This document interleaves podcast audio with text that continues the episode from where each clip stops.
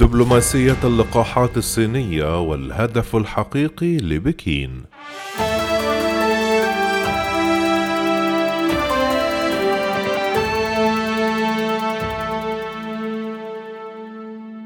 وقعت بكين صفقات مع حوالي خمسة عشر دولة في القارات الخمس وأجرت تجارب ضخمة للقاحتها في العالم العربي ورغم أن ظاهر هذه التحركات يبدو لتسريع وقف فيروس كورونا إلا أن الهدف الخفي لبكين هو كسب أصدقاء جدد والفوز بالصفقات.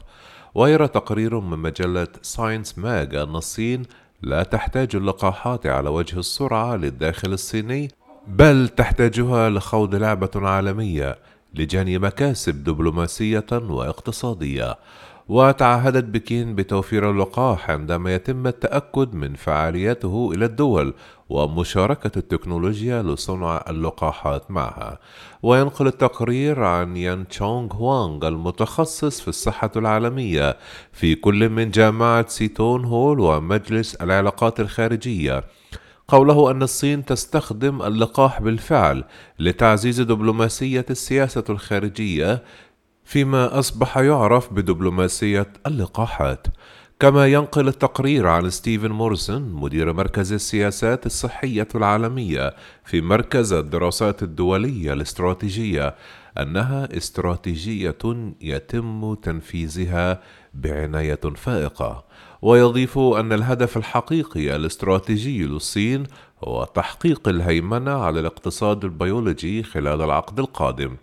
ويشير التقرير إلى أنه في حال نجح اللقاح في الصين يمكن أن يتم إنتاج 1.5 مليار جرعة في العام المقبل.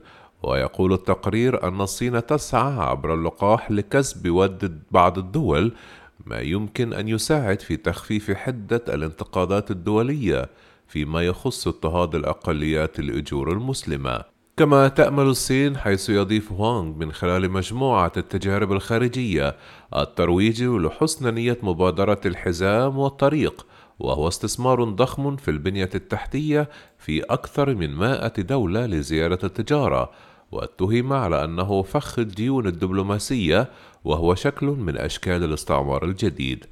ويقول موريسون أن نجاح اللقاح قد يساعد الناس على نسيان تعامل بكين مع الوباء عند ظهوره أول مرة وأسفر وباء كوفيد 19 عن وفاة مليون وربعمائة واثنان وعشرون ألف تسعمائة واحد وخمسون شخصا على الأقل حول العالم منذ أعلن مكتب منظمة الصحة العالمية في الصين عن ظهوره أواخر ديسمبر المنصرم وتجاوز عدد الإصابات أكثر من 60 مليون إصابة حول العالم.